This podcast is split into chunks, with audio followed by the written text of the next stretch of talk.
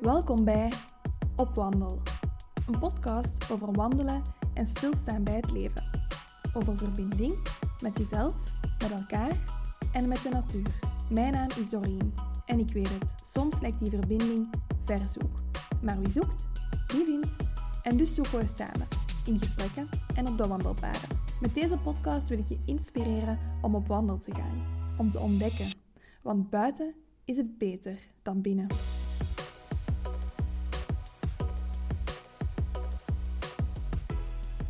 Hallo, hallo. Dag opwandelaars.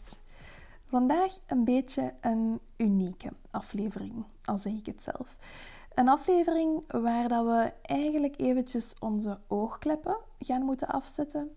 Waar dat we eventjes de ratio, die soms als een filter over ons heen hangt, even af moeten zetten. Waar dat we eventjes naar een aflevering gaan luisteren vanuit een niet weten. Ik uh, luisterde onlangs zelf naar een podcast um, van de morgen, getiteld Het Inzicht.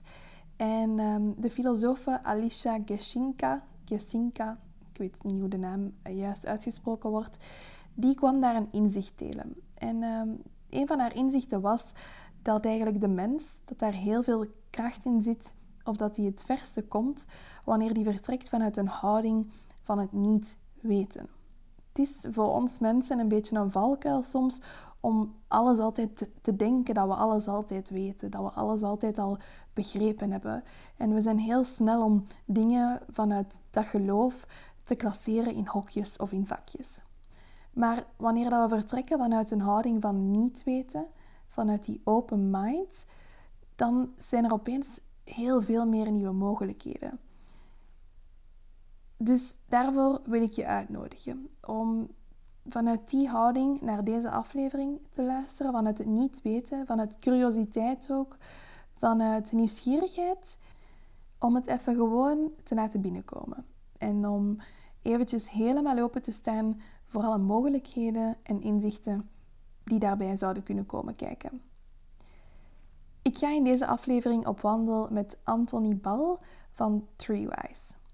Anthony is een zeer geleerd man, psycholoog ook. Um, hij is daarnaast ook bosbadgids en hij begeleidt heel veel en hij begeleidt als ook HR-deskundige vooral veel bedrijven um, en mensen binnen bedrijven binnen, die, binnen hun ontplooiingstrajecten. Maar hij gaat ook met individuele mensen op pad om te werken aan hun zelfontplooiing en hun ontwikkeling. Hij doet dat aan de hand van gesprekken, maar vooral ook aan de hand van de natuur want daar voelt Anthony zich het meeste thuis. En hoewel hij dus een heel wetenschappelijk kantje heeft, heeft hij toch ook wel een kantje dat misschien nog niet altijd te verklaren valt. Het, het, kantje, het kantje dat we niet kunnen meten.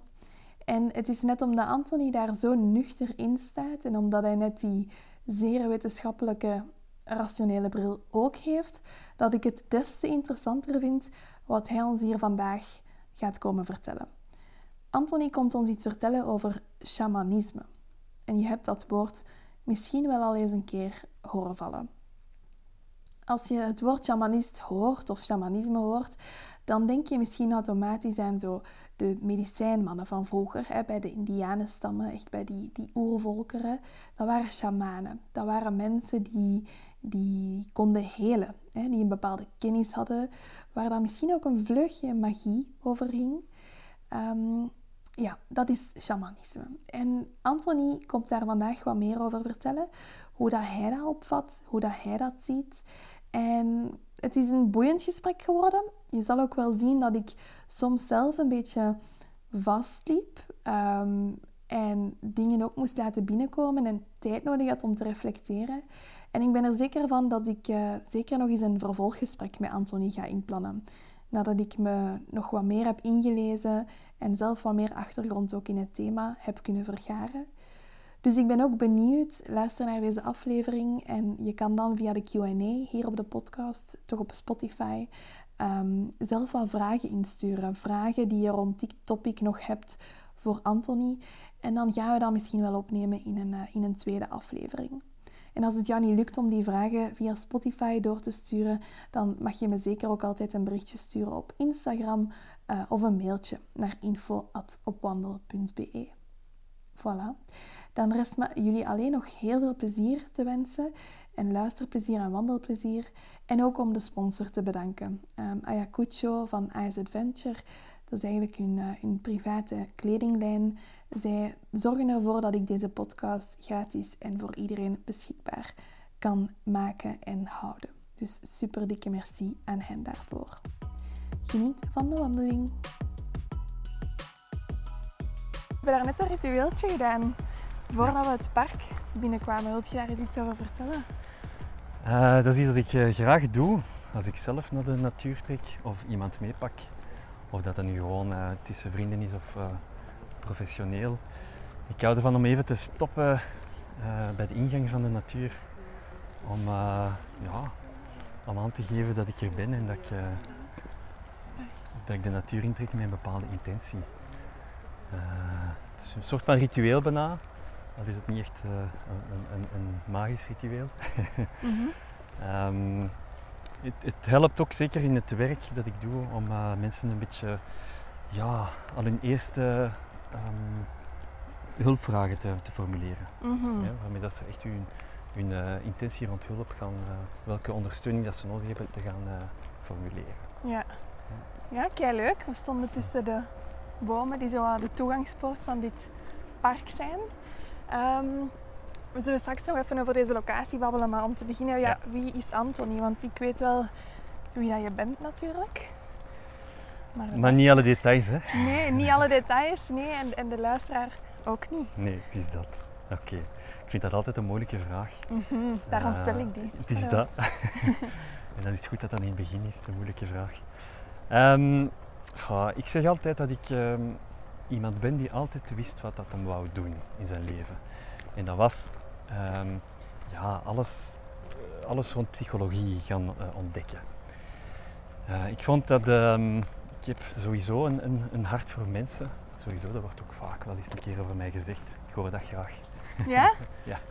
Maar ik heb ook een hoofd voor mensen. En daarmee bedoel ik, ik vind de kennis van hoe dat de mens in, in elkaar steekt, van waarom dat mensen zich op een bepaalde manier gedraagt, waarom dat we ons op bepaalde manieren voelen, waarom dat we angst hebben, dat we ons soms heel goed voelen of niet.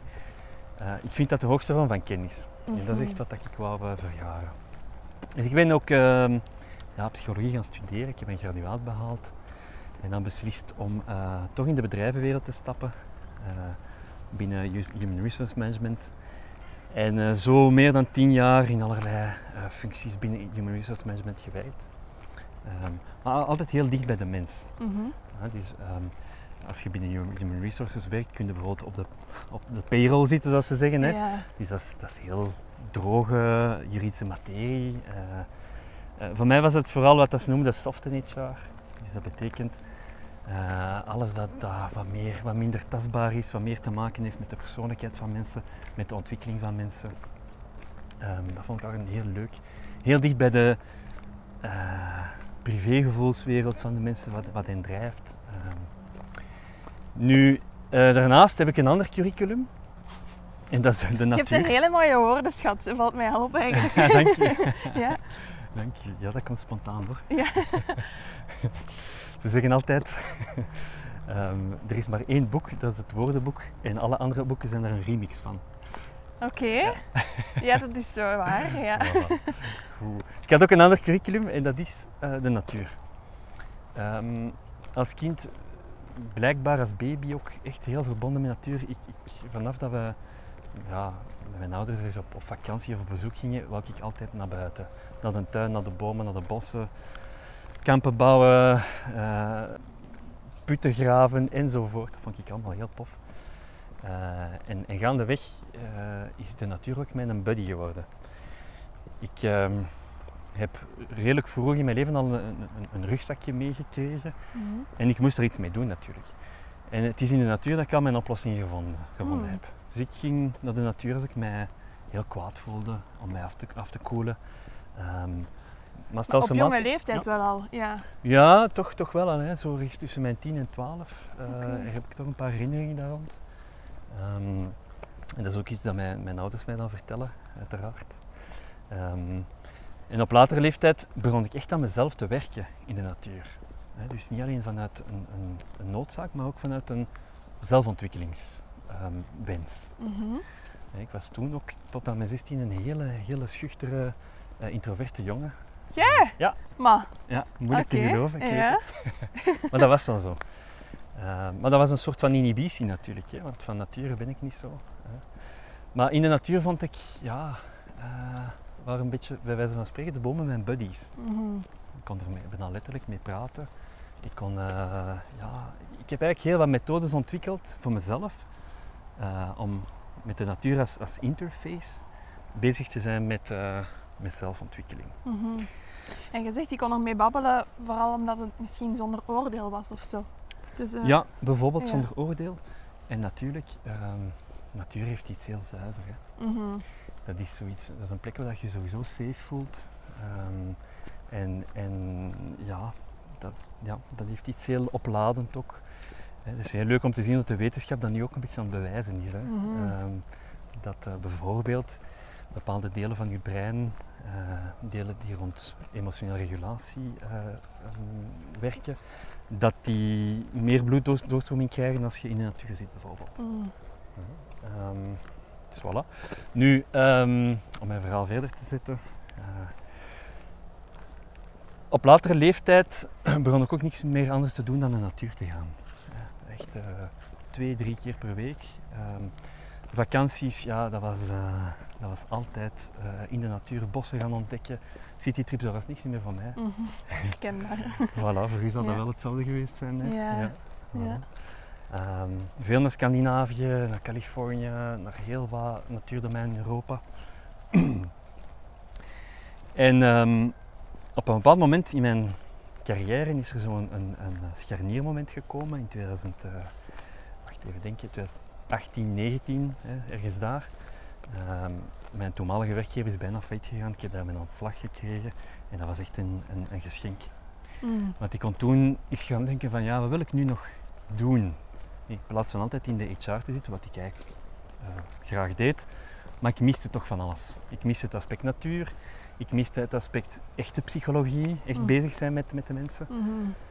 En dat was het perfecte moment om... Ehm, om met Treewise te beginnen. Hè, Treewise is mijn, mijn zaak. Mhm. Ehm, Hoeveel jaar geleden is dat nu? nu is het al vier jaar geleden. Vier jaar, Ja. oké. ja.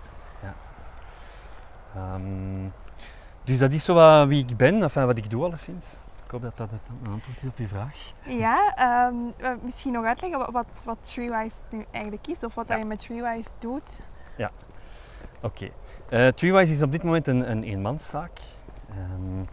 En Treewise biedt bosbadervaringen aan. Mhm. Ehm, dat gaat redelijk breed. En dat zijn bijvoorbeeld bosbaden voor particulieren, hè, groepen van mensen. Ehm, dat is bosbaden voor eh, individuen, dus echt alleen, hè, zoals dat wij nu aan het wandelen zijn, eh, Mhm. doe ik eh, ook wel. Ik doe het ook voor bedrijven en doe dat ook heel graag, hè, want dat is natuurlijk vanuit mijn HR-achtergrond de perfecte match. En ik geef ook lezingen, eh, opleidingen rond hoe dat je natuurcontact kan, ehm, of natuurcontactmethodes kan integreren in je werk. Mhm. eh, als, als sociaal werker of jeugdwerker of eh, in de gezondheidszorg bijvoorbeeld. Ah ja, oké. Eh, en af en toe ook eens eh, ja, reizen. Hè. Dus dat zijn dan echt eh, eh, heel eh, uitgebreide natuurimmersies in het buitenland. Eh, met, ja, mijn favoriet zijnde dan Finland. Eh, ik heb iets eh, met dat land. Ik heb daar ook even gewoond in mijn leven. Dat Mm. was eh, nog niet zo lang geleden. Ehm, ja. En die reizen die organiseer je dan helemaal zelf of dat is in samenwerking met iemand dat je dat dan opzet of hoe moet ik dat zien? Zo goed als helemaal zelf, maar ik heb altijd wel een persoon ter plekke. Ja. Die het logistieke doet, die dat, bepaalde dingen uitzoekt. Ehm, maar dat doe ik zelf. Dat is ook redelijk kleinschalig, hè, dus dan, meestal neem ik maar vijf of zes mensen mee. Ah ja, oké. Ja. En dat is dan een hele week? Ja. Echt een volledige ondomper, on, Ja. amai, onderdompeling in alles wat natuurbeleving is. Alles wat natuurbeleving is. Mhm. Heel breed ook weer. Hè. Mhm. Ehm, Oké, super tof.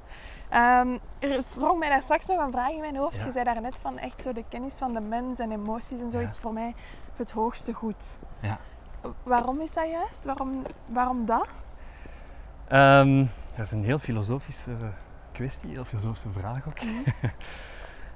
Ehm, als je kijkt naar wetenschap, hè, dus, dus positieve wetenschappen, eh, dat is ja, heel interessant wat dat zij doen. Maar ik heb altijd iets van, ja, het, het is eigenlijk niet relevant als het geen invloed heeft op de mens. Hè, dus eh, ik zeg maar iets, hè, eh, een positieve wetenschap kan chemie zijn. Scheikunde kan van alles doen. Hè. Met, met scheikunde kun je heel wat eh, materialen maken, kun je eh, medicatie maken. En ja, dat heeft ook alleen maar nut als het voor de mens nuttig is. Mhm. En niet alleen qua gezondheid, maar gezondheid brengt geluk. En dat is voor mij hetgeen dat mensen nastreven. Ze streven gewoon geluk na. Mhm. En dan vind ik dat alle andere soorten kennis en wetenschap ehm, moeten dienen om tot dat geluk te komen. En dan vind ik dat, dat psychologie en, en het, het begrijpen van gedrag en, enzovoort en van gedachten en emoties, dat dat ja, een heel zuiver, ja, een heel zuivere wetenschap is of een heel zuivere kennis Mhm. die kan helpen bij, eh, bij je ja, geluksstreven. Ja, ja, ja. Dus vanuit onze ervaring als mens zijnde vind je dat een belangrijke kennis om te hebben. Ja. het gaat dan heel veel over de mens, maar de natuur speelt daar ook een gigantisch stuk in. Hè? Ja. Anders zou het niet Ja. Treewise heten of zou jij niet die connectie voelen met de impact van de natuur op, op ons geluk. Inderdaad. Ja, dat is, eh, dat is natuurlijk iets, iets ehm, redelijk eh, eenvoudig en complex tegelijk, zou ik maar zeggen. Ja. Eenvoudig, ja, eh, in de zin van heel simpel. Als jij op een zondag gaat wandelen, hè, zeker jij, Mm. jij- Mensen denken echt dat ik superveel wandel en dat is ook. Ja. Maar ik ben ook een mens en ik, Ja. ik, ik, het lukt mij ook niet elke dag. Ik ben deze voormiddag gaan wandelen met, met Mireille, die Ja. je ook kent. Ja. Zij doet mee aan elke dag wandelen en zij, zij is echt al elke dag geweest en ik bewonder haar zo dat is hard. echt eh, ongelooflijk. hè, ja. Dat is echt, ja. En het is niet zomaar 10 minuten, het is echt een uur vaak. Hè. Dus die vrouw heeft dat echt geïntegreerd in haar leven. Eh, maar dus ja, als ik zondag ga wandelen. sorry, ja, voilà. even- Tenzij dat je niet op zondag wandelt, maar rustig. Als je, enfin, als je gaat wandelen, als je de natuur opzoekt, nadien voelt je toch elke keer, ja, je voelt je frisser, je voelt je eh, creatiever, gelukkiger, eh, meer gegrond, beter in je lichaam. Mhm. Ehm, dus dat is op zich al een hele eenvoudige. Maar als je het dan verder bekijkt, ja, natuur is ook gewoon onze natuur. Mhm. Eh, de natuur van wat, wat we zijn of wie we zijn als mens. Eh, en we zijn er echt heel ja, innig mee, mee verbonden. Mm, er zijn, of zeker ja, tot pak zeker twintig jaar geleden, eh, weet ik nog dat heel veel mensen de natuur beschouwden als een soort van aangenaam decor. Mm. Ja, het is een aangenaam decor en dat is mooi. En, maar bon, de rest, eh, de rest is belangrijker. Hè? Eh, wat ik in mijn leven doe, welke job ik heb, eh, met wat voor auto dat ik rondrijd. Ja. Het, het, het menselijke is gewoon belangrijker dan, Mhm. dan de natuur. Dus ik ben blij om te zien dat dat meer en meer aan het veranderen is. En voor mij alleszins is natuur een, een, iets fenomenaal. Hè? Dat is het zuiverste, krachtigste dat er, dat er bestaat. Ehm, en als je je er echt op toespitst, dan begint je dat ook te voelen. Ehm, Hoe dat dan werkt. Ja. En, en dan begint je ook ehm, ja, meer en meer te begrijpen wat de natuur voor je doet. Mhm. Want je kunt dat wetenschappelijk bekijken. Je zeggen van ja, natuur, ja, wat doen bomen? Ja, bomen die zetten CO2 om in, in zuurstof. Ah, kijk, goed voor ons. Die stockeren ehm, eh, CO2 ook, hè, ook goed voor ons, ook voor ons klimaat, voor onze gezondheid. Eh, ja, eh, planten maken fruit, planten maken graan. Ja, natuurlijk, wetenschappelijk gezien is dat dan super belangrijk, maar ehm, ook psychologisch. Ja. Eh, je kunt heel diep gaan in je verbinding met natuur en dat kan echt een, een diep effect hebben op je. Ik ga je misschien de vraag stellen, misschien in, in al je ehm, wandelingen of wandeltochten die je al hebt gedaan, is het al eens een keer gebeurd dat je op een plek komt in de natuur waar dat je zegt van "Ah, dit raakt mij gewoon zeer diep. Mhm. Al veel. Ja, Wij voilà. noemen dat een meermomentje. En hoe? Een meermoment. Ah ja, Een moment waar dat alles even meer is. Meer geluk, meer dankbaarheid, Ja. meer... En dat dat je zo hard pakt dat je ja, moet wenen. Ja. Dat, allee, dat heb ik dan toch vaak. Dat daar een emotionele reactie aan vasthangt. En, Mhm. eh, ja. Ja. Ik, eh, ik, ik vergelijk het met een vorm van, van lichte verlichting. Mm. Ja. Zo, eh, ja, er wordt veel geschreven hè, over, over verlichting enzovoort. Ik vind dat een vorm van verlichting en een vorm van connectie. Dus je voelt je op dat moment helemaal verbonden Mm. met, eh, met de natuur, met alles, met iedereen. Dus ja. Oké, mooi. Dat is al heel duidelijk uitgelegd. Is dat ook waarom de naam van uw bedrijf Tree Wise is? Wat, wat is het juist met de bomen? Waarom, waarom zijn die zo wijs? ja, inderdaad. Ja, wise in de zin van eh, eh, wijsheid dat in bomen zit. Mhm. Eh, en wise ook op de, op, op de manier van. De wijze. I- Op de Ja. wijze, inderdaad. Op de wijze van, van bomen. Ehm, wat mij betreft gaat het niet alleen om bomen. Het gaat over alle natuurelementen. Al zijn bomen wel iets heel speciaals. Hè. Ehm, dat is toch iets heel... ehm, ja, je kunt bij wijze van spreken een heel intieme relatie hebben met bomen. Mm. Zeker als je eens tegen een boom leunt of een boom eens een keer vastpakt. Wordt vaak gedaan met bosbaden. Zo de Boomknuffelen. de Ja. stereotypen van het bosbaden. Ja. Ehm, dus vandaar tree-wise. Eh, welke wijsheid zit er in bomen? Ehm, ja, dat is zo... Om te beginnen, eh, ja, zij doen fantastische dingen voor ons. De dingen die ik al heb uitgelegd. Maar ook ehm, de wetenschap achter bosbaden ehm, is nu van alles aan het licht aan het brengen. Bijvoorbeeld dat bomen een bepaald stofje uitzenden. Uit, eh. Mhm. Dat heet een fytoncide. En die fytoncide dat is gemaakt in principe om insecten en parasieten en schimmels af te weren. Maar als wij die inademen, dan krijgen wij een gigantische boost in onze immuniteit. Als we echt in, in je bloed gaan meten, Mm. eh, dat is echt iets fantastisch. En ja, immuniteit. We kennen dat vooral nu vanuit eh, het, het COVID-tijdperk als ah, immuun zijn is niet ziek worden. Het is veel meer dan dat. Immuniteit is ook verbonden aan ehm, bijvoorbeeld eh, veel beter cardiovasculair systeem hebben. Mhm. Hoge immuniteit betekent ook minder snel eh, in een, een of andere psych- psychische aandoening geraken. Mhm.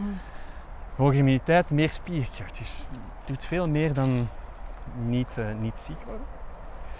En dan nog eentje dat ik, dat ik ook een hele leuke vind over bomen, want er is al zoveel over geschreven. Er is toch zo één boek, hè? Ehm, Mhm. jij weet de titel misschien. Er is een boek dat gaat over bomen en The Secret Life of Trees of Ja. zoiets. Is het dat? Daar zit ook van alles in. Ja. Inderdaad, daar zit ook van alles in. Hè? De- oh, dat, om te, allee, omdat dat boek keigoed kadert hoe, wat een boom eigenlijk allemaal is en Ja, doet. en doet. Ja. En dat daar een bepaalde vorm van intelligentie in zit, Mhm, eh, die wij niet zien. Ondergronds ook. Ja. Hè, met het miso... Wat was het? ja, het mycelium. Mycelium. Het mycelium van paddenstoelen. Ja. Ja. dat dat zo'n connectie is. Ik vind dat leuk om me in te beelden dat... Ik weet dat dat onder de grond allemaal verbonden is met elkaar. Maar om me in te beelden dat wij daar ook op een of andere manier mee verbonden zijn. We zitten niet mee onder de grond, maar ik denk wel dat als we mee hier zijn, dat, dat, dat wij daar deel van worden of zo. Dat klopt helemaal en dat zijn wij ook. Hè. Mhm. Wij zijn natuurwezens. Hè. Wij, wij, ehm, het is niet omdat wij een bepaalde ehm, bewustzijn hebben, dat een bepaald bewustzijn hebben, eh, en dat wij de natuur een beetje naar onze, naar onze wil draaien, dat wij er geen deel van uitmaken. Mhm. Eh, dus nee, ja, Had had er nog dat is helemaal niet eh, want dit klopt helemaal. Hè. Eh, zeer interessant boek, is ook een documentaire over. Moet je zeker eens, eh, eens bekijken. Eh, wat ik bedoelde is eh, bijvoorbeeld een, een Belgisch onderzoek van een goh, tweetal jaar geleden of een jaar en een half geleden. Ik denk dat het de KUL was. Die hebben aan het licht gebracht dat in buurten waar ehm, hoge bomen staan, en dat was dan hoog, hadden ze dan gedefinieerd met een kruin boven x aantal meter, Mhm. dat in die buurten minder medicatie wordt verkocht sorry, in, de, ehm, in de apotheken. Dus dat is heel opvallend. Ze kunnen niet meteen de link leggen waarom. Hè. Ehm, maar bomen, bomen doen bijzonder veel voor ons qua gezondheid. En er zijn ook geen andere factoren die daar, in, zoals bijvoorbeeld sociaal-economisch Ja. of... Dat is dan de eerste kritische eh, reflectie daarover. Hè. Altijd denken van, van ja, eh, hoe zou dat komen? Ja. Nee, ze hebben dat ook helemaal, ehm, eh, zoals in het Engels zeggen, debunked. Dus het heeft dus niks te maken met socio-economische status. Het is niet, dus niet zo dat hè, mensen met ja, meer middelen wonen in buurten waar meer groen is, hebben meer toegang tot gezondheidszorg. Mm. En dat zou er dan voor zorgen dat, dat er minder medicatie wordt ver- verkocht. Blijkt dus totaal niet zo te zijn. Het is echt de link tussen groen, hè, groen in de omgeving en, eh, en gezondheid voor iedereen. Voilà. We- bijvoorbeeld ook psychologisch, je ziet eh, de link tussen de aanwezigheid van groen in buurten en ehm, kleine criminaliteit en agressie. Mm. Ook weer krijg je dezelfde reflex, maar ja, dat is logisch. Want in hè, eh, armere buurten zijn er minder bomen. Maar ook dat hebben ze helemaal eh, onderzocht en blijkt niet zo te zijn. Zot, hè? Ja. En ook dat eigenlijk die kennis al heel lang geweten is toch ook al voor, voor een groot deel, hè? maar dat dat niet tot bij ons geraakt. Ja, Of alleen als ik gesprekken heb met dokters of psychologen over van ja, hoe kan dat dat een wandeling die vaker wordt voorgeschreven, dan zeggen die ook gewoon ja, maar we hebben dat nooit gezien in onze opleiding. En Ja. dat is eigenlijk heel bijzonder. Hè? Eh, maar dat het nu blijkbaar wel meer en meer aan bod komt. En de Daily Dose of Nature van Ice Adventure Mhm. daar en het manifest dat daar geschreven is door die experts, daarin staan ook mooie cijfers daarover. Absoluut, ja, absoluut. Ehm, ja, het komt, het komt meer en meer na- naar boven. Dus het is een heel leuke tijd om in, in te leven, vind ik. Ja, ik Ja. vind het ook. Ja, dat is waar. Eh, toen ik eh, met die dingen begon, toen ik zowel dat contact met natuur had, hè, ik zal zeggen 20 jaar geleden, ja, was het nog, nog totaal niet eh, aan de orde om te spreken over natuur op doktersvoorschrift bijvoorbeeld. Mhm. Dat was totaal niet, niet aan de orde, dus ik ben blij om dat nog mee te maken. nu. Ja, je voelt dat er zo'n shift is. Hè. Eerst was het zo yoga, nu is het zo, ja, inderdaad, meer dat bosbaden en dat buiten zijn en slow Ja. living en, en dat wandelen. En er komt wel zoiets, er Ja. is iets op til of zo. Inderdaad, Mm. dat klopt. Dat is heel mooi om te zien. Eh, Ja. ja. Kei leuk. Ehm, ja, super boeiend vind ik vooral om te zien dat je al van op hele jonge leeftijd die klik voelde. Want bij mij is dat ook pas later gekomen, na bepaalde ervaringen en zo. Ehm, om dan het bruggetje te maken naar, oké, je bent veel bezig met natuur en zo, maar je bent daarnaast ook spiritueel een heel ruimdenkend iemand, hè? Ja, dat is ook een beetje mijn aard. Hè. Ook iets Mhm. dat heel jong is begonnen bij mij. Ik, had, eh, ik kan me nog herinneren dat toen ik goh, 13, 14 was, dat ik een, een halve obsessie had met alles wat onverklaarbaar was. En in die tijd, dat was een tijd van X-Files bijvoorbeeld op tv. X-Files, dat ken ik niet. Nee, dat gaat over, ja, dat gaat over UFO's en over eh, telepathie en Ah, ja. allerlei dingen die paranormaal en onverklaarbaar waren. Ik had er altijd een, een, een, een interesse voor, een intrige. Oké. Ehm, en eh, dat, heeft, ja, dat heeft mij ook geleid naar, ehm, naar alles wat te maken heeft met spiritualiteit en vooral het shamanisme. Mhm. Nu, het is nogal een persoonlijk thema. Eh, en ik wil er heel veel over delen, want ik heb er echt een passie voor. Alleen ehm, is het zo dat ik het een beetje vanuit mijn persoonlijke ehm, leefwereld doe en veel minder vanuit Treewise. Ja, Mhm. omdat Treewise, vind ik, moet toegankelijk zijn voor iedereen. Op dezelfde manier dat natuur toegankelijk moet zijn voor iedereen. En ehm, ja, bepaalde geloofs- ehm, of bepaalde overtuigingen rond, rond leven, rond de wereld. Ja, niet iedereen heeft dezelfde. Mhm. Eh, en in die zin, eh, voor mij, eh, ik, ik zal het zo zeggen, hè. Ik heb cliënten die komen hè, voor solo bosbaden, die het ook van een heel wetenschappelijke manier willen bekijken. En dat vind ik ook fantastisch. Mhm. En heel ehm geëikte methodes willen, eh, willen gebruiken om aan zichzelf te werken. Ehm, ja, supergoed. Ik heb andere cliënten die het, die het graag heel alternatief hebben. Mhm. Ehm, dat kan. Eh, maar voor mij is, is, is het ene niet beter dan het andere. Mhm. Het is gewoon een ander facet van, eh, van hetzelfde. Ja, Eh, een andere en manier om naar te kijken. Ja. Voilà. Maar dus ja, ik ben, Ja. ik ben er al, al lang mee bezig. Shamanisme, inderdaad. Wat, wat is dat juist? Want ik denk dat er veel rare beelden of zo eh, over bestaan in mensen in hun hoofd. Gewoon omdat na- de naam op zich vind ik al heel exotisch of zo. Ja, ja. Maar wat is het, wat is het correcte beeld over shamanisme? Ja. Als ik mij niet vergis, komt de naam uit de, uit, uit de Mongoolse cultuur. Eh ik zal vandaag komen. Ik begrijp wat je zegt, hè, dat daar heel veel eh, vooroordelen over zijn of, of vreemde beelden. Eén beeld is bijvoorbeeld zo de witch doctors. Mm. Hè? Zo mensen die rare dingen doen met trommels en, en eh, ja, eh, een beetje van die rare magiërs en heksen. Ja, zo Dat is- de, de medicijnmannen van vroeger. Zo. Ja, voilà. En wat niet helemaal, eh, dat klopt wel een beetje, maar ook niet helemaal.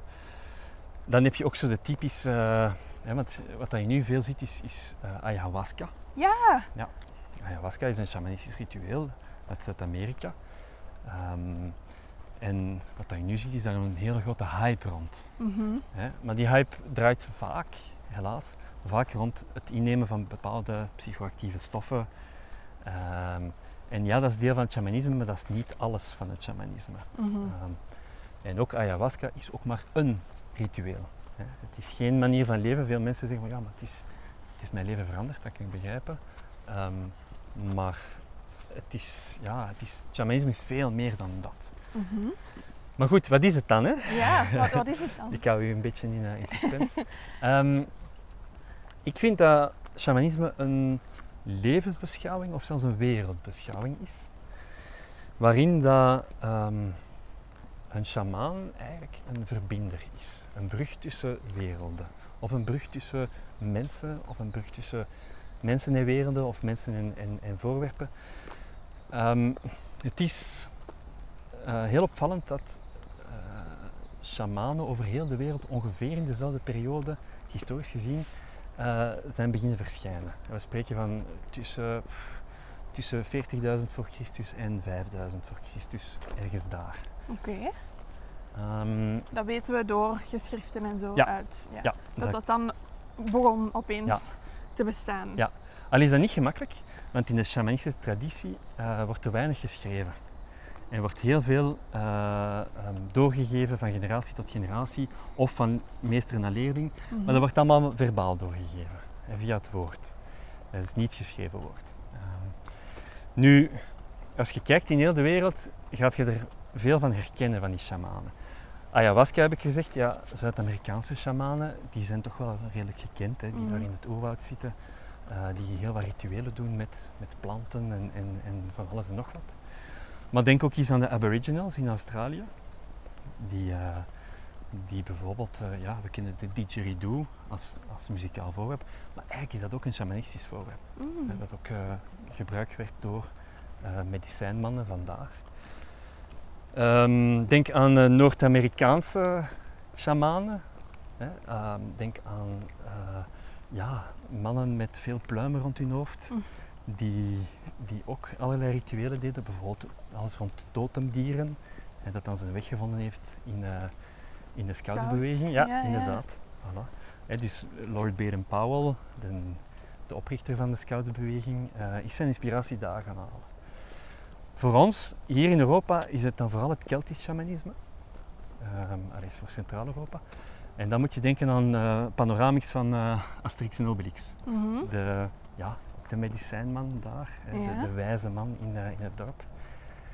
Ehm, Maar is shamanisme dan meer een Ja. paraplu-term voor alles wat, wat bosbaden ook iets... iets ja, inderdaad. Helemaal. Ja, dus helemaal. echt gewoon mensen die ehm, een zeker derde oog of zo hebben eh, Ja. om inderdaad die diepere connectie te leggen of die... Ja, eigenlijk zoals ik zei, de Ja. brug te zijn. Mhm. Nu, in het, in het, hoe moet ik zeggen, in het traditionele shamanisme, ja, daar hangen heel veel tradities rond. En eh, ik ga niet zeggen dat dat heel strikt was, maar niet zomaar iedereen kon zich, ja, kon zich uitroepen als shamaan. Mhm. Nu in het, zoals ze dat noemen, het neo-shamanisme, in de moderne tijd, kan dat wel. En eigenlijk kun je het heel breed trekken. Zelfs een dokter is uiteindelijk een shamaan. Mhm. Want wat doet je?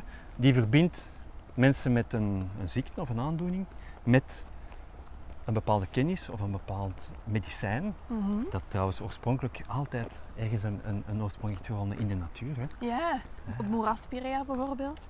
Ja, wat Dat doet dat? Dat is voor aspirine toch, hè? Ah ja, eh, dus ja, ja, ja, zo. En het, de funny thing is, als je daaraan ruikt, ruikt je twee dingen.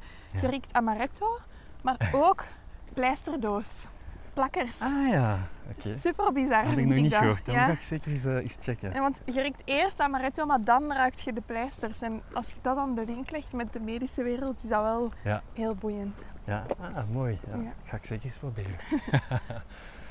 dus, ehm, maar ja, dus de shamanen ehm, in de traditie ook, ehm, spreken we ook heel hard van verbinden met een onzichtbare wereld. Een wereld waarin geesten, uh, allerlei spirits uh, huizen of uh, geesten van overleden mensen.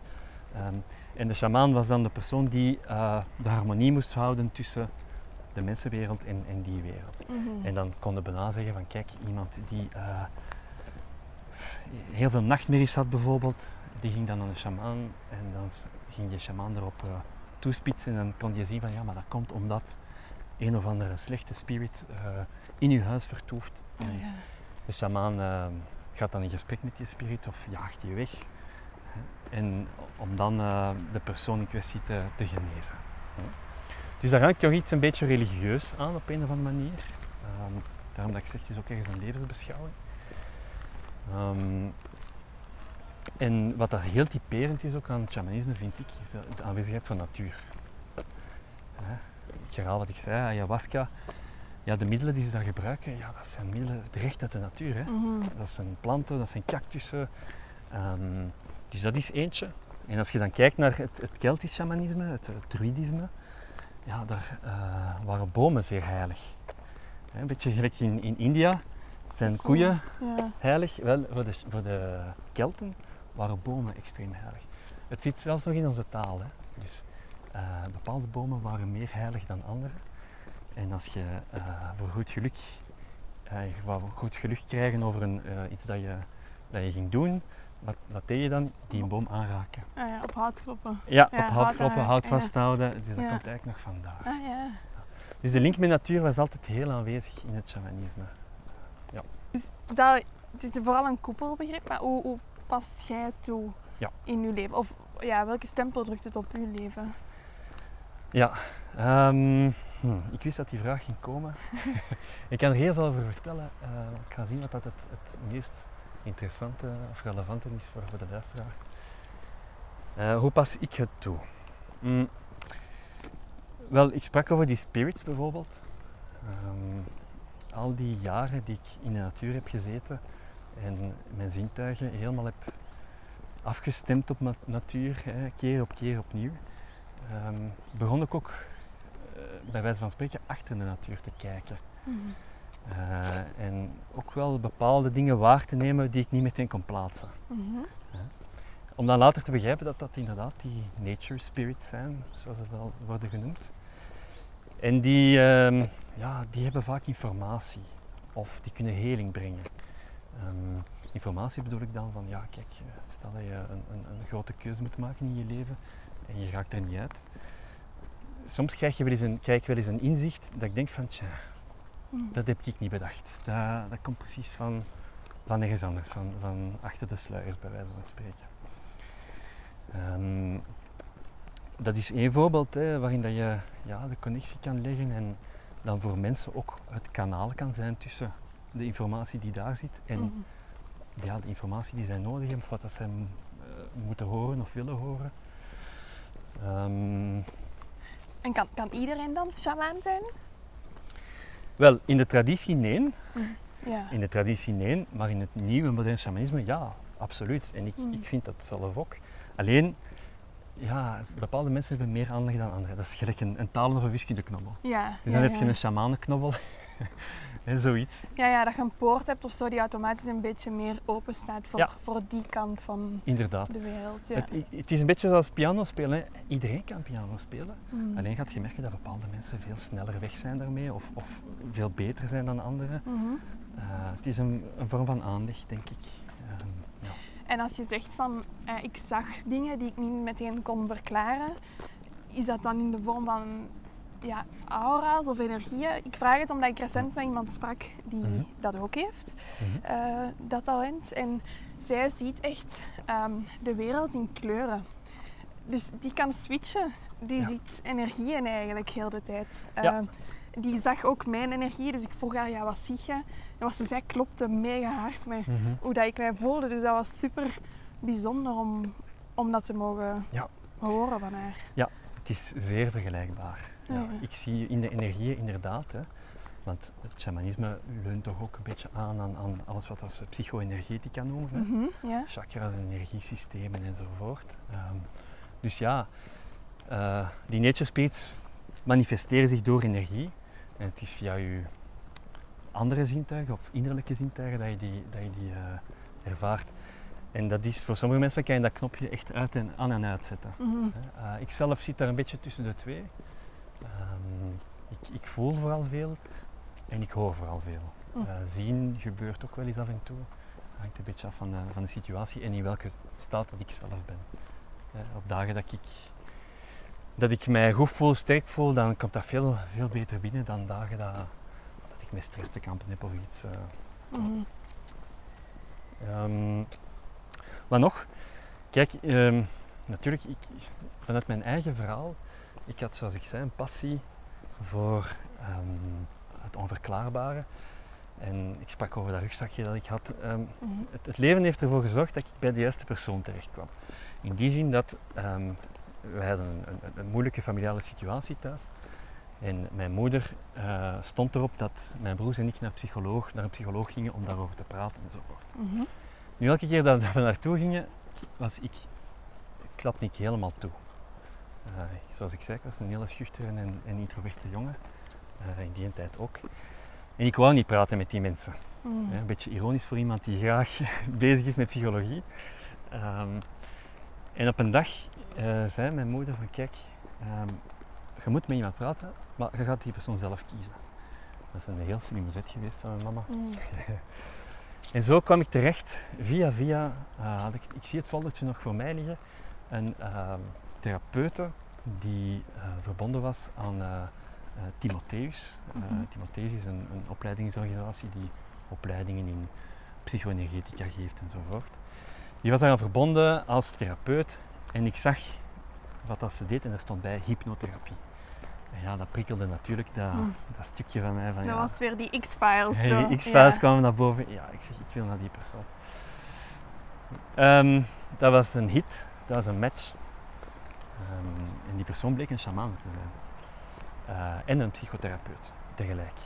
Uh, dus ook, ook twee werelden. Hè? Mhm. Uh, en die persoon heeft, ja, heeft mij behandeld, hè, bij wijze van spreken. Hè. heeft ervoor gezorgd dat ik toch op, op het juiste pad terecht kwam. Maar gaandeweg werd het al snel duidelijk, één, dat ik die gave ook had, diezelfde gave die zij had. En twee, zij bracht haar kennis over aan mij. Mhm. En we zijn ook vrienden geworden en, en er is heel veel kennisoverdracht geweest. En via haar in contact gekomen met andere mensen die ermee bezig waren. En zo ging de bal rollen, opleidingen gaan volgen uh, en, uh, enzovoort enzovoort. En natuurlijk, ik ging dan ook altijd op zoek naar de shamanen. Um, zo in de tijd dat ik uh, even in Finland woonde, heb ik ook wel een, een, een Sami-shamanen ontmoet. Hè? Dus de Sami, de Sami-stammen, dat zijn de, ja, de oorspronkelijke stammen van, van Lapland, hè? van eigenlijk ja, een groot uh, grondgebied in, in Scandinavië. Um, toen ik in Californië ben gegaan, heb ik ook een shamaan ontmoet. Uh, en dat is altijd heel veel kennisoverdracht uh, mm. gebeurd. Het was alsof je eindelijk mensen vond die je begrepen of zo. Of waar dat je van voelde, die zien de wereld zoals ik het zie. Ja, ja of, of die mij voldoening gaven in een stuk van mezelf toen. Hè. Ja. Een stuk van mezelf dat ik niet goed kon begrijpen, mm -hmm. dat ik niet kon plaatsen. En, en toen dacht ik, ja, dat, dat klopt en, en, voor mij klopt dit. Um, dus uh, ik heb altijd dat pad gekozen. Hè. Um, ze zeggen ook wel eens the road less traveled. Mm. Ja, um, ik, ik, herinner mij dat die, die persoon die mij dan aanvankelijk opgeleid heeft, dat die zei van ja, het is het, uh, het moeilijkste, maar het meest waardevolle pad dat je kunt volgen. Mm. En ja, ik heb heel veel geleerd. een van de dingen die ik ook geleerd heb, bijvoorbeeld, is uh, alles rond voorouderlijke lijnen. rond? Voorouderlijke lijnen. Ja, ja. oké. Okay. Dus ieder van ons uh, wordt op een bepaalde manier opgevoed. Ja, vanuit bepaalde waarden en normen en, en invloed vanuit, vanuit onze ouders. En zij van hun ouders en zij van hun ouders enzovoort enzovoort. Dus je kunt zeggen dat bepaalde dingen die je hebt aan ingesteldheid, aan normen, aan waarden, aan talenten van, van je ouders komen. Of van je voorouders bij wijze van spreken. Um, maar ook dingen die, die niet nuttig zijn. Um, hey, je hebt heel veel families die uh, kampen met ja, bepaalde situaties van, van uh, intrafamiliaal geweld of van alcoholisme of, enzovoort. Hè, redelijk zware dingen. Um, maar die eigenlijk maar een gevolg zijn van een gedachtegoed dat van generatie tot generatie wordt doorgegeven. Mhm, mhm. En dat heeft enerzijds een psychologische kant, maar langs de andere kant zit er ook een bepaalde energie aan vast. Mhm. En via het shamanisme, via een bepaald ritueel dat ik wel eens een keer met mensen doe, kun je dat gaan uitkuisen. Kun je eigenlijk helemaal losmaken, want jij zit op het einde van heel die voorouderlijke lijn. Je zet de cycle breaker. Exact, mooi gezegd. Mhm. Dat is het, de cycle breaker. En via een bepaald ritueel kun je daar energetisch ehm, eh, beweging in krijgen, of, of dat zelfs helemaal doorbreken. Mhm. Dat is ook weer een voorbeeld van, van hoe shamanisme een plek heeft in, in, ja, in mijn leven, of, of zelfs in wat ik professioneel doe. Oké, hier kom ik even tussen piepen. Anthony vertelt hier iets over de voorouderlijke lijn. En we zijn daar niet meteen dieper op ingegaan in dit gesprek. Maar het is wel iets superboeiend, iets heel interessant. En wat jouw blik of, of de achtergrond rond shamanisme ook wel heel erg kan verruimen, heb ik zelf ontdekt na dit gesprek. Ik raad je daarom aan, als je geprikkeld bent, om zeker eens op zoek te gaan naar podcasts met Maarten Oversier. Ik zal de naam van deze man ook in de beschrijving van de podcast zetten.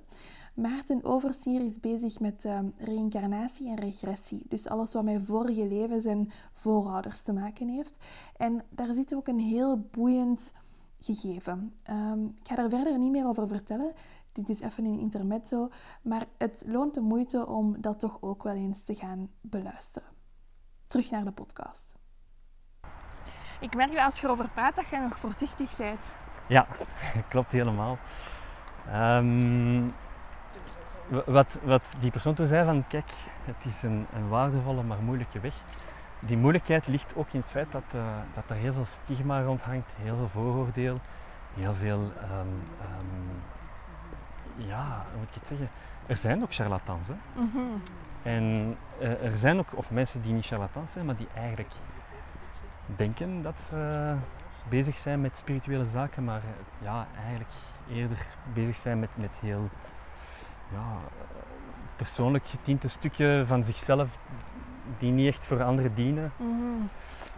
Ehm, en ik, ik- in mijn leven is dat altijd een, een, een tweestrijd geweest. want enerzijds, ik heb ook een wetenschapper in mij, absoluut. Hè. Een gewone wetenschapper die, die alles empirisch bekijkt. Maar ik heb ook dat alternatief kantje. Mhm. En eh, ik ben niet bang van het oordeel van mensen, maar ik, eh, ik blijf voorzichtig omdat niet iedereen er een boodschap aan heeft. Mhm. En ehm, ja, ze- zeker met Treewise, ik werk ook wel met bedrijven enzovoort. Misschien hebben zij ook geen boodschap aan shamanisme. Mhm, Nee. Ja, in een wereld die heel wetenschappelijk is en die heel mannelijk is en, en, en prestatiegericht is, is, het, ja, is, is die andere kant van u daar moeilijk mee te rijmen of zo. Allee, voor de, voor de buitenwereld. Nu, Ja, ja. Dat, dat klopt. De, ja. Ja. Dus ik blijf meestal wel eh, redelijk ehm, afwachtend daarin. Mhm. Eh, en ik voel ook weer goed aan bij wie dat, ik- dat ik daar helemaal open over kan zijn en bij wie niet. Ehm, en ook weer daar, dat is geen oordeel. Hè. Het is niet omdat mensen daar niet open voor staan dat ze, dat ze minder goed zijn of minder wijs of dat, ze, of dat zij de wereld niet begrijpen. Nee, dat is het niet. Ze bekijken het gewoon anders. Eh, Mhm. wat ik wel belangrijk vind is dat je een open geest behoudt. Ja. Op die manier dat ik ook in mijn rol van shamaan ook opensta voor, voor de wetenschap. Mhm. Eh, ik zal een heel grotesk voorbeeld eh, brengen. Stel dat er iemand naar mij komt en die, eh, die heeft last van, van iets heel ergs. Ja, dan zou ik eh, fysieke bijvoorbeeld, hè, fysieke klachten, Mhm. zou ik ook zeggen, ja, ga eens eerst naar een dokter. Ja. Ja, ja. Wie weet heb jij wel een virus of een bacterie en Je ziet het niet zwart-wit, het is meer Nee. opnieuw de brug tussen de twee zijn. het is dat, het is dat. Mhm. Voilà. Oké, ja, mooi, boeiend. Ik denk, ik denk dat er nog veel vraagtekens open blijven. Allee, of vragen open blijven en vraagtekens Mhm. zijn. Maar dat dat net komt ook omdat het iets is wat we niet kunnen meten. Ik denk, als ik u vraag over bosbaden en het effect daarvan op u, maar wat jij voelt, die connectie of zo, je- ja, Ja. dat blijft iets ontastbaar of zo. Hè? Iets, iets Ja. abstract, omdat ja, we kunnen het niet meten, niet iedereen kan het ervaren of zit op de plek in zijn leven waar dat ze het kunnen ervaren. Dus ja, het is, denk dat voor veel mensen het zo in de lucht wat hangt. Ja. Wat, wat wil dat dan zeggen? En, Ja, ja, inderdaad, in de lucht hangt, dat is de moeilijkheid. Hè. En dat is ook ehm, eh, het, het, het, wat dat ze dan noemen, het zweverige dat daar rondhangt. Mm. Hè. Daar heb ik het zelf ook moeilijk mee. Ik, ik zou niet graag hebben dat mensen mij als, eh, als zweverig zouden ervaren. Nee. Want ik vind dat iemand die zweverig is ook weinig impact heeft op, op de wereld. Mhm. En wat ben je dan met een hele geloofsovertuiging als je, als je daar niks mee kunt? Nee, nee. Hè? Dus dat vind ik wel een belangrijke. Ja, je komt helemaal niet zweverig over. Nee. Ik denk dat je het wat, voor de mensen om het zo wat tastbaar te maken, zo, je hebt Pocahontas, de film. Ja? Ik vind dat dat daar eigenlijk al heel veel over gaat, over die link met natuur. Je hebt daar zo grootmoeder Willig. Ja.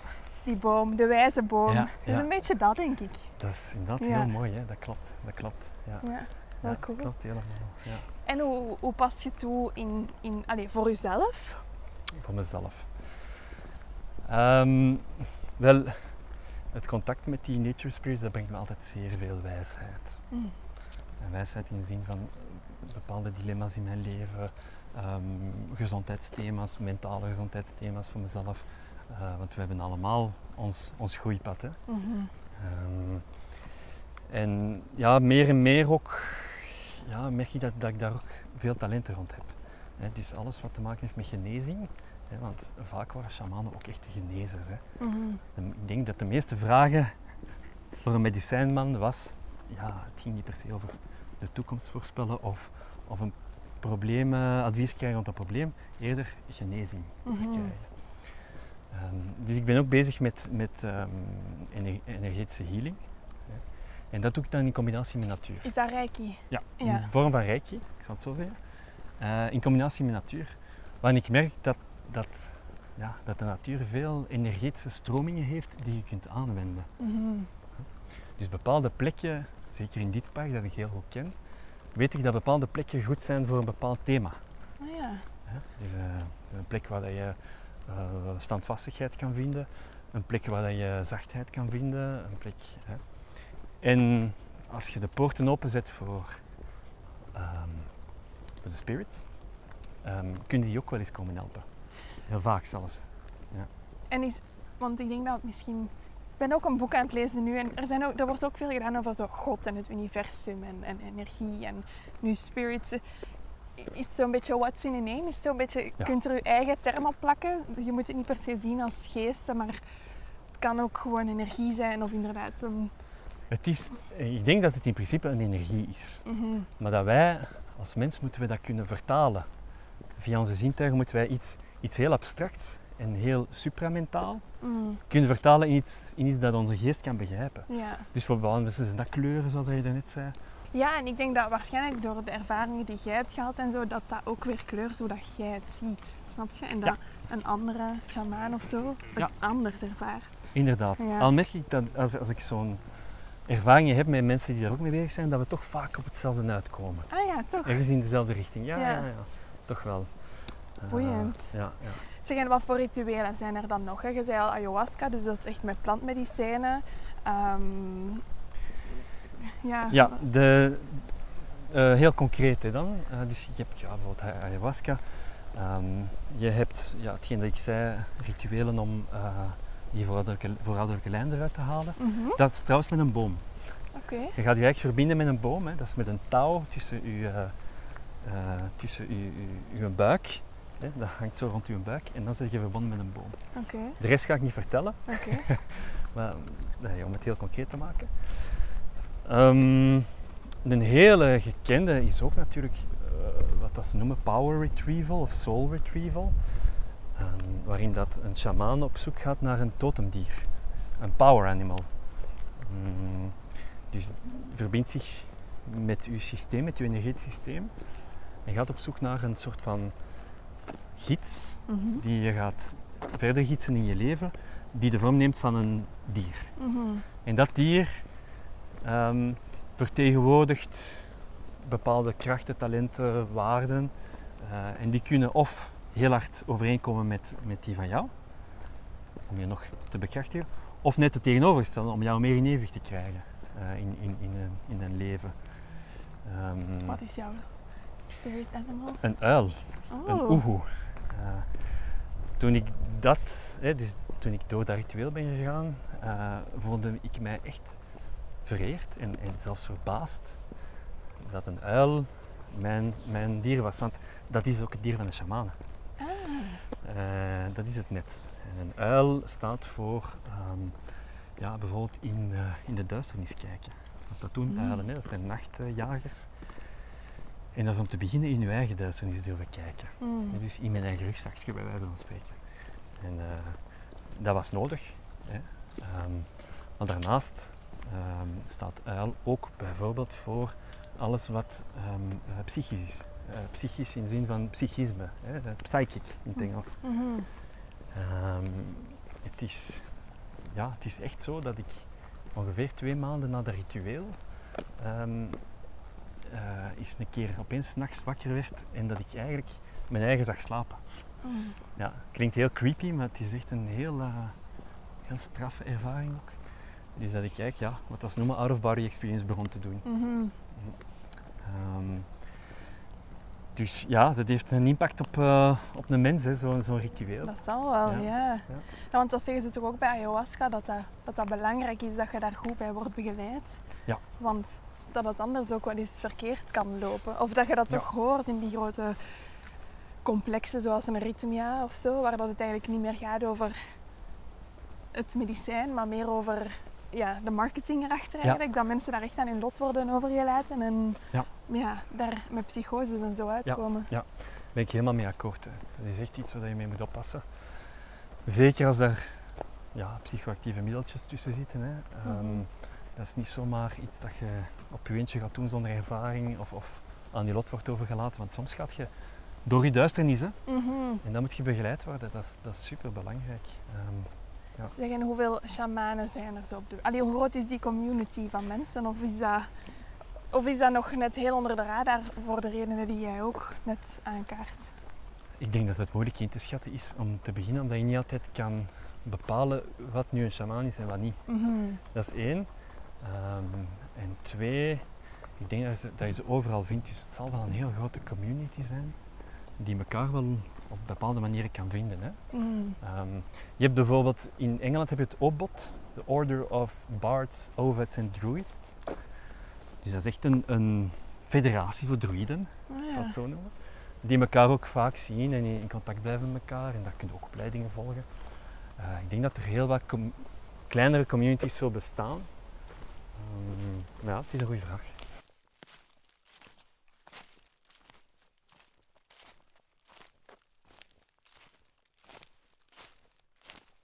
Mag ik iets vragen? Ja.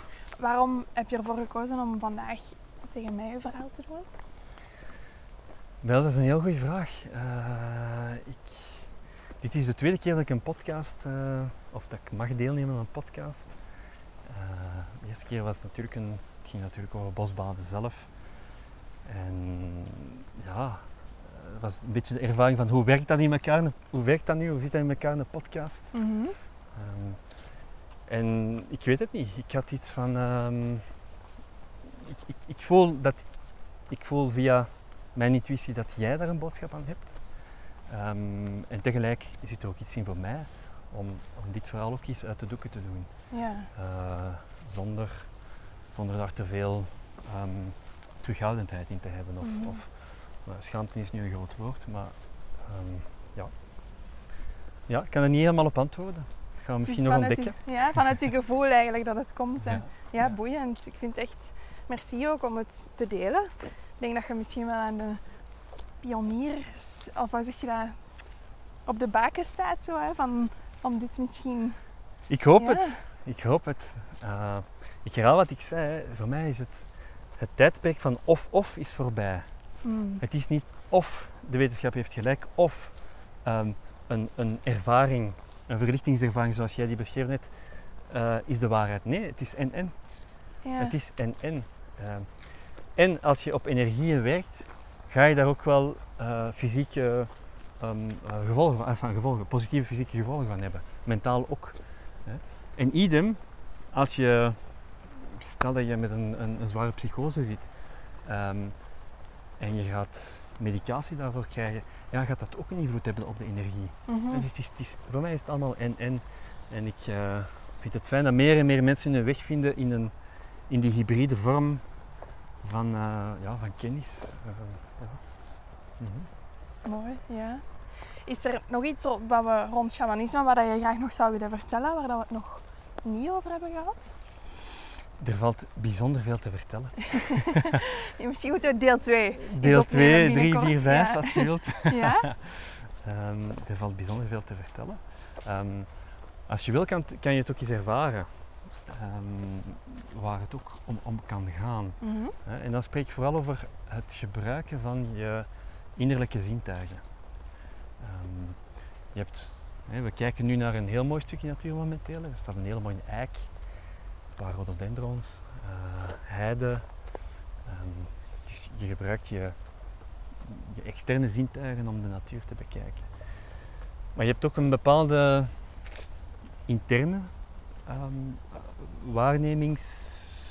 Moet je dat nu noemen? Waarnemingsplatform of zoiets. Eh, ze noemen dat ook wel eens gewoon intuïtie. Buikgevoel. Buikgevoel hangt er ook aan vast. eh, waarmee dat je ook kan, kan waarnemen. Als we bijvoorbeeld, we zijn nu aan het wandelen in een, eh, in een natuurlijk gangetje. Als ik jou vraag om puur vanuit je ogen, dus puur esthetisch, als we nu kijken waar we uitkomen, Mhm. puur esthetisch, als je naar hier naar kijkt, wat trekt jou aan? Waar zou je naartoe willen gaan? Als je, ja. De boom? De boom. Ja, we gaan er even naartoe. Hè. Omdat, ik weet niet, het is geen treurwilg, maar het lijkt erop en dat vind ik wel mooi. Ja, ik eh, vraag me af wat het is van bomen. Ik kan het niet zeggen. Ik ben geen bioloog. Ik weet wel veel van de natuur, maar nog niet alles. Voilà. Dus zet je visueel aangetrokken tot, eh, tot iets. Oké. We gaan nu een beetje verder wandelen. En ik ga je vragen. ehm, om eigenlijk met je gevoel een plek te kiezen. Mm. Met je hart. Dus niet met ogen, niet puur esthetisch, maar echt met je hart. Wat zie je in dit landschap waar dat je warm van wordt of dat je iets bij voelt? Ja, misschien daar. Ik volg. Oké. Ehm, dus ja, ik zal even zeggen wat we zien. Dus we zien een klein kapelletje of zo. Ja. En daar rond zijn allemaal boomstammen, boomstammetjes. Ja. En ik werd aangetrokken tot deze. Tot die een boomstam. Oké, voilà. Alright. Dus het verschil is, daarnet ging het puur over iets bijna rationeel. Hè. Je gaat je zintuigen eh, bijna rationeel gebruiken. Ah, wat is mooi? Ah, een boom is mooi. Voilà. Hier ga je gewoon op gevoel af. Hè. Want als je kijkt, als ik even de om- omgeving beschrijf, hier staan een paar heel mooie bomen. Eh, Er staan een paar heel mooie eh varens ook. ehm, paar toffe planten. Maar je koos, eh, je koos dat, dat Mhm. stukje. Dus je hebt daar een bepaalde emotionele verbinding mee. Dus dat is een volgende stap in hoe dat je je innerlijke ehm, zintuigen gaat gebruiken. Maar we kunnen het nog een, een, een stukje verder trekken. Dan gaan we even verder lopen. Hm. En dat is echt vanuit het instinct dat je hebt. Echt vanuit jouw onderbewustzijn, zal ik maar zeggen. Iets dat je niet echt goed controleert, hè, want dit heb je goed kunnen controleren. Je kijkt, je ziet iets, oké, dat heb je in de hand. Mhm. Maar er is in u een bepaalde beweging, een bepaalde stroming, een bepaalde energie, die je niet altijd kan benoemen of, of vatten, die je ook altijd naar iets stuurt. Hè. Ze- linken dat vaak aan de wetten van aantrekking bijvoorbeeld. Ja. Dus dat je altijd wel de juiste mensen tegenkomt. Dat doe je niet omdat je, omdat je je ogen ergens, ergens naartoe volgt. Nee, je volgt gewoon een bepaalde stroming die bestaat.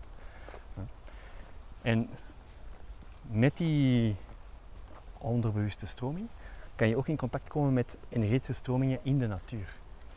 Ehm, dus we gaan de oefening nog eens opnieuw doen. Hè, als we het hoekje omdraaien hier. Dan gaan we eerst even stoppen. Gewoon even stoppen. Gewoon in het moment komen. We zijn eh, in het hier en nu. En dan ga ik je vragen om vanuit je instinct naar een plaats te gaan. En hoe ga je dat het beste kunnen doen? Door eigenlijk een impuls van je lichaam te volgen.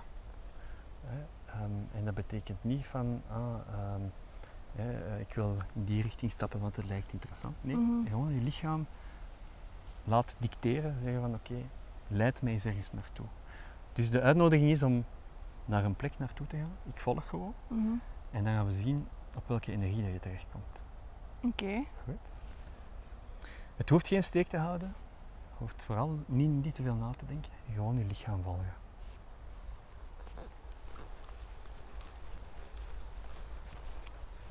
En dan kom je hier terecht. Ja. Oké. Wat mij meteen opvalt is dat je dat wel gewoon bent om je lichaam te volgen. Met het wandelen waarschijnlijk. Is dat herkenbaar? Ehm, ja, ik denk dat ik wel sowieso heel sterk mijn buikgevoel volg en voel altijd. Maar ik was daar aan het wandelen en ik voelde al dat mijn, eh, dat is kei raar hè, maar dat mijn hand Ja. zo wat zwaarder werd hier. Oké. Ja, ja. En ja, ik voelde van ik moet iets vastpakken of zo. Dus vandaar Ja. dat touw. Dat touw dat je wel vastpakt, ja. Oké, goed. Ja. De plek waar dat je naartoe bent eh, gekomen, als ik, ik daar even op afstem, ehm, wat ik voel is, eh, is heel veel ehm, jonge natuur. Niet alleen in de planten die we zien, maar het is een heel jonge energie. Heel fris, heel dartel. Ehm, en er zal wel een bepaalde symboliek achter het touw, achter het touw zitten. Hè. Dan moet je eens voor jezelf afvoelen. Hè. Het is natuurlijk een touw eh, dat gebruikt wordt om een boom te stutten. En zo kunnen de luisteraars ook meevolgen. Mhm. Ehm, misschien heeft het wel een bepaalde symboliek voor jou. Het is ook een vraag. Ja, ik denk het wel. Ehm, van jezelf vastzitten of zo. Oké. Vastzitten en door iets. Ja. En als jij zegt van ja, dartelen en groeien en jongen niet verder kunnen groeien of zo, Ah, op die manier. daardoor. Oké. Dus je ziet het als een soort van eh, bijna een, een, een beperkend iets of een, een, Mhm. ja, een ketting die, je- die je zou moeten losmaken. Wat dat we dan ook kunnen doen is, is hè, in een shamanistische st- ehm, ehm, sessie, zouden we hier gaan zitten en echt gaan voelen van oké, welke spirits zitten hier rond. Hè? Als je wil kunnen we daarna de podcast eens een keer proberen. Ja, oké. Eh, Dat is goed. voilà. Maar ik herhaal wat ik zei, ik denk dat je, eh, wat dat jij doet, het wandelen, dat daar ook iets heel shamanistisch in zit. Mm. Sowieso. En jij volgt ook een bepaald instinct daarin dat je graag ook wil delen met de wereld. Hè. Eh, van wandelen, want ja, mensen gaan direct zeggen, maar wandelen is toch gewoon je voeten gebruiken. En, en, en gewoon wandelen. Nee, jij voelt daar een bepaalde stroming in die jij volgt. Hè. Ja, ja. ja, het is veel meer dan dat. Hè. Allee, dat schrijf ik ook in mijn boek. Ja, En dat zijn zo wat de tien levenslessen van de wandelaar. Eigenlijk zo wat de tien geboden naar waar dat je kunt leven. En dat gaat echt over ja, hoe dat een wandelaar leeft, hoe dat je dat ook in je eigen leven kunt toepassen. En dat gaat ook over deel zijn van de natuur en je instinct volgen. En eh, de, je doet dat op het wandelpad, omdat je dan in je habitat bent en weg Mhm. van rollen en verwachtingen. Maar je kunt dat thuis ook doen. Mhm. Je kunt thuis ook wandelaar zijn. Zo. Dat, dat is een beetje het idee. dat is het idee. En ik schrijf daar trouwens super grappig in, in het begin van mijn boek van... eh, gaat het over de geschiedenis van het wandelen en ook zo wat cijfertjes. Ah, En dan schrijf ik van... Ja, ik zet dit erin omdat ik weet dat er mensen zijn die in categorie A zitten, alleen maar dingen geloven omdat de wetenschap het zegt. Ja. Ah, ja. Mensen die in categorie B zitten, eh, die geloven omdat ze het voelen. Ja. En mensen die in de laatste categorie zitten, die de twee nodig hebben. Mhm. En dat ik eigenlijk dat meegeef puur omdat ik weet dat inderdaad het en en is en niet of of. Ja. Ja, dat is ook heel goed om dat zo te doen, denk ik. Hè. ja. Eh, ja, oké. nice. Maar anders moeten we het nu even doen en dan kunnen we daarna de podcast afronden? Of hoe zie jij het? ja, dat is misschien een goed idee. Ja? Oké.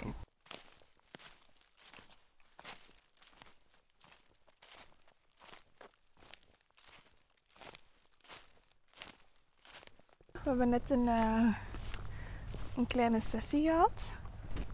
Ja. we gaan het niet vertellen. Allee, Nee, Of ik, ik wil het liefst niet delen, maar het was wel ehm, direct wel wat spot on. En het bracht wel wat los of zo. Ehm, maar jij wil graag wel nog iets over vertellen in terms of waarnemingen. Ja, inderdaad. We gaan het inderdaad niet vertellen. Het is ook iets uit de shamanistische traditie.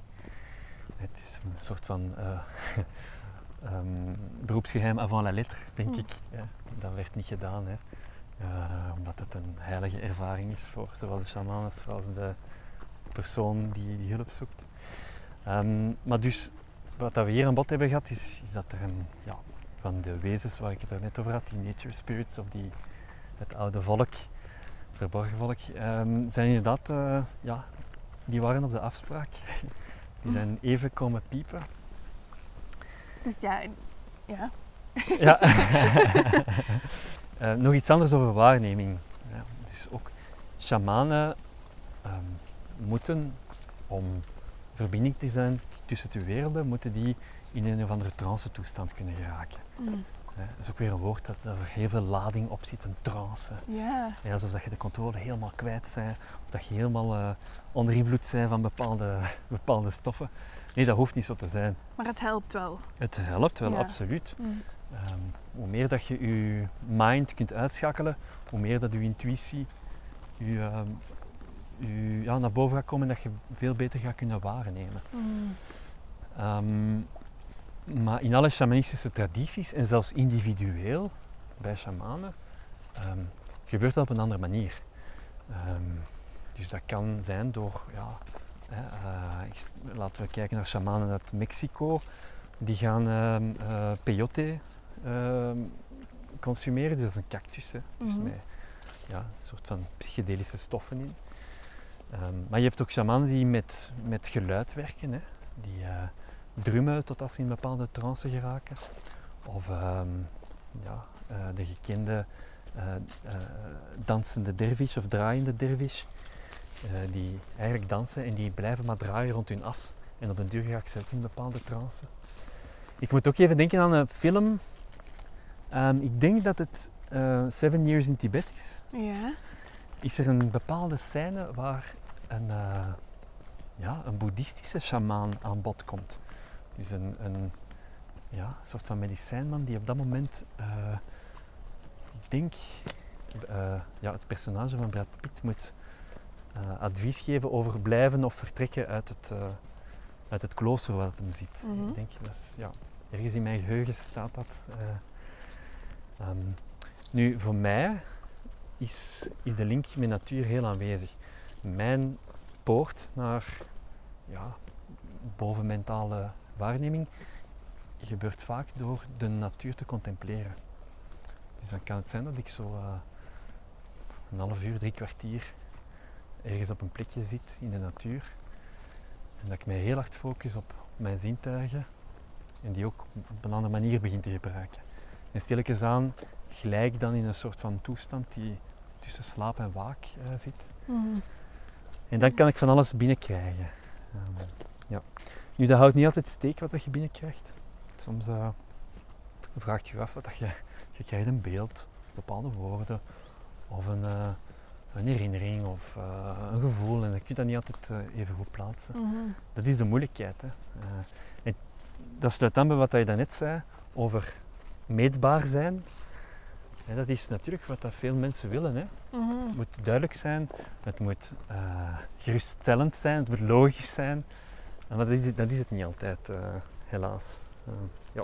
Want en hoe weet je dat het echt is en, en niet je fantasie of je verbeelding dat je zelf... Ja. Dat, dat- ja. Dat is die radio, hè.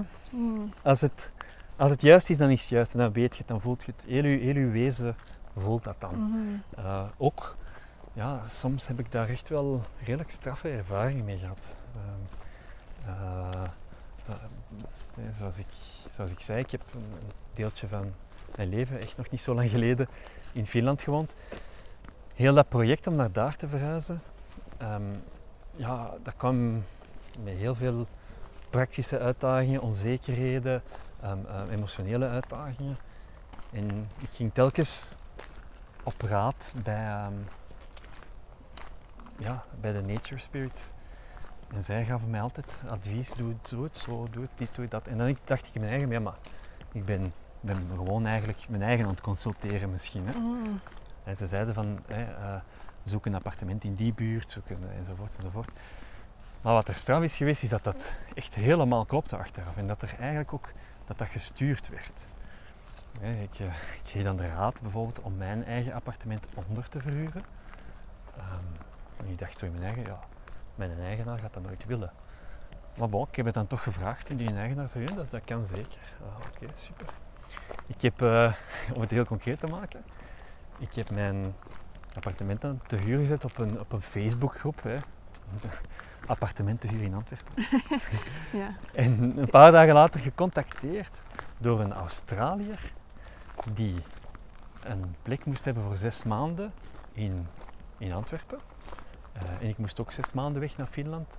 Uiteindelijk ben ik veel langer gebleven, maar bon, toen was het nog maar zes maanden.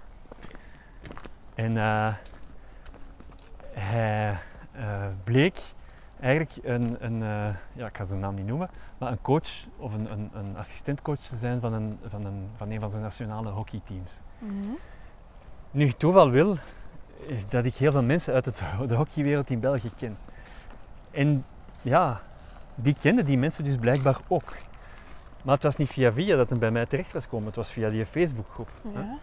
En het strafste van al is dat die, die moest dan, die zei van ja, ik, ik ken Antwerpen niet goed, maar blijkbaar moet ik ergens dichtbij de Wilrijkse plein zijn, waar dat, die teams eh, trainen.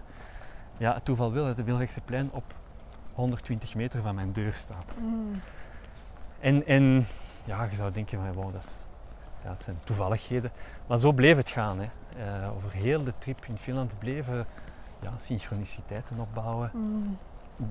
Ja, waarvan ik voelde van dat is ingefluisterd door niet mezelf en ook gestuurd door, eh, door eh, ja, het, het oude volk, of hoe moet ik het noemen. Ja, ja.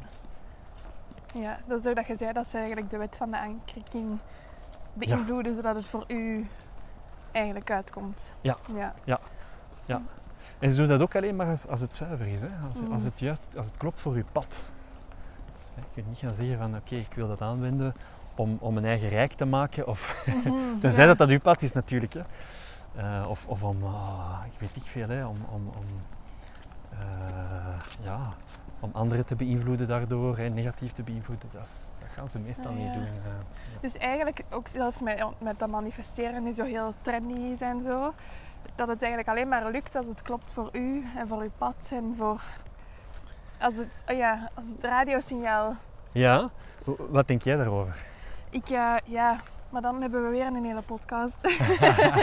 ik vind dat een super boeiend thema. Ik hoorde net iemand in een andere podcast vertellen van ehm, je kunt manifesteren vanuit ego en dat is wat, wat, wat wil ik meer hebben, wat wil ik nog krijgen. Of je kunt manifesteren vanuit wat kan ik nog geven.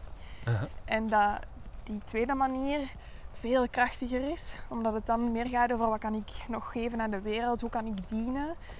Terwijl van het ego, ja, ik wil rijk worden of ik wil zoveel duizend euro omzet draaien. Ja, dat, als er geen higher purpose achter zit of zo. Dat is mooi gezegd. Ja. Ja. Ja, ik deel die mening ongeveer. Ja, ja toch wel. Ehm, ik zie het anders, maar het komt, het komt op hetzelfde neer. Ehm, eigenlijk, eh, in het Engels, what you want is not what you need. Mm. Dat is het. ja, Ehm, je trekt aan wat dat je nodig hebt, niet, wat, niet altijd wat dat je wilt. En vaak is het het ego dat iets wilt ehm, en is het de ziel die, die net iets nodig heeft. Mm. Eh, en dat gaat je dan wel kunnen aantrekken. En vaak, wat de ziel nodig heeft, is iets om zijn, zijn of haar missie neer te zetten op de aarde. Dus dienen, eigenlijk. Mm. En, dan, en dan zit het wel gealigneerd en kan het wel gebeuren. Ja. Ja, amai. Ja, ik denk dat we hier nog wel heel lang kunnen Ja. babbelen. Ik denk dat we, dat we misschien hier gaan afronden. We hebben misschien voor de mensen die daar al veel mee bezig zijn, is dit een bevestiging van wat ze al weten of, of een uitnodiging om wat dieper te gaan. En voor mensen die er nog heel ver van weg staan, Ja, is het een kennismaking of zo. ja Ehm, absoluut. Er valt nog veel over te vertellen. Ik, en- ik ben heel eh, dankbaar dat ik dit mocht doen. Al eh, was er toch enige terughoudendheid in. Hè. Ja, hebben het ook maar- over gehad natuurlijk. mhm. Ehm, maar ik hoop dat het de mensen kan inspireren, of nou, zoals jij zegt, eh, mensen kan bevestigen. En voor andere mensen zal het misschien net eh, ja, niet interessant zijn en dat is ook helemaal oké. Ja, absoluut. Ja. Het is en-en. Ja, inderdaad. Ja. Zeg, en eh, waar kunnen mensen nu vinden? Als ze zoiets van, amai, die Anthony, daar wil ik ook wel eens mee op Bosbad. Ehm, ja, via sociale media natuurlijk. Hè. Ik ben op Instagram actief, op Facebook. Ik heb ook een website, dat is www.treewise.be. Mhm. Ehm, dus dat zijn zo de, de wegen waar je me kan vinden. Ook LinkedIn. Eh, ja, dus ook, zoals ik zei, dat is mijn HR-achtergrond. En eh, alles wat ik doe voor bedrijven. Ehm, ja, Oké. misschien via telepathie ooit. Oh, Ja, ja, uit- uiteraard. Ehm, ja, en wat ik ook nog wil zeggen is dat ik ehm, zeker jouw gesprek bij Raken Klappen, de andere podcast ook, aanbeveel. Omdat je daar ook interessante dingen vertelt over bosbaden meer, ehm, cijfers nog meer en ook over je dromen met Treewise, die ook Ja. wel heel interessant zijn. Dat gaan we nu niet meer bespreken, maar dat wordt daar al uitvoerig eh, gedaan. Dus ik verwijs de mensen graag door naar, eh, naar die aflevering. Voilà. Fantastisch. Oké. Merci. Dankjewel Doreen, het was eh, zeer aangenaam. Het weer was ook zeer aangenaam, vond Ja. ik uiteindelijk. Wat een chance. Het is niet te koud, het is bewolkt, maar hè, ik zeg ook altijd, ehm, de natuur moet je nemen zoals dat hem komt. Hè, we willen heel graag dat het elke dag mooi weer is. Hè. Maar als het geen mooi weer is, zit daar ook altijd iets in. Ik vind het bewolkte hemel heeft ook iets heel geborgen. Ik voel me daar veilig onder. Als het regent, denk ik vaak, of voel ik soms vaak van, ja, maar dat is moeder natuur die, die voeding komt geven aan, aan de natuur. Dus Mhm. ik, ik wil dat meemaken, ik wil dat zien, ik wil, dat, ik wil er deel van uitmaken. hè. Een kei mooie afsluiter. Merci. Jij mocht En ook een mooie afsluiter eh, Ik kan niks verzinnen. beter Ja. zeggen, je hebt gelijk. voilà. Dankjewel om met ons mee te wandelen. Als je genoten hebt van deze aflevering, vergeet dan zeker niet om de podcast een rating te geven of om het te delen op je socials. Zo kunnen andere wandelliefhebbers ook hun weg naar buiten vinden en genieten van deze podcast. Want hoe meer wandelzielen, hoe meer vreugd. Zo, tot de volgende opwandel. Maar wacht vooral niet tot dan om zelf al in je wandelschoenen te springen. Want je weet, een dag niet gewandeld is een dag niet geleefd. Veel liefs.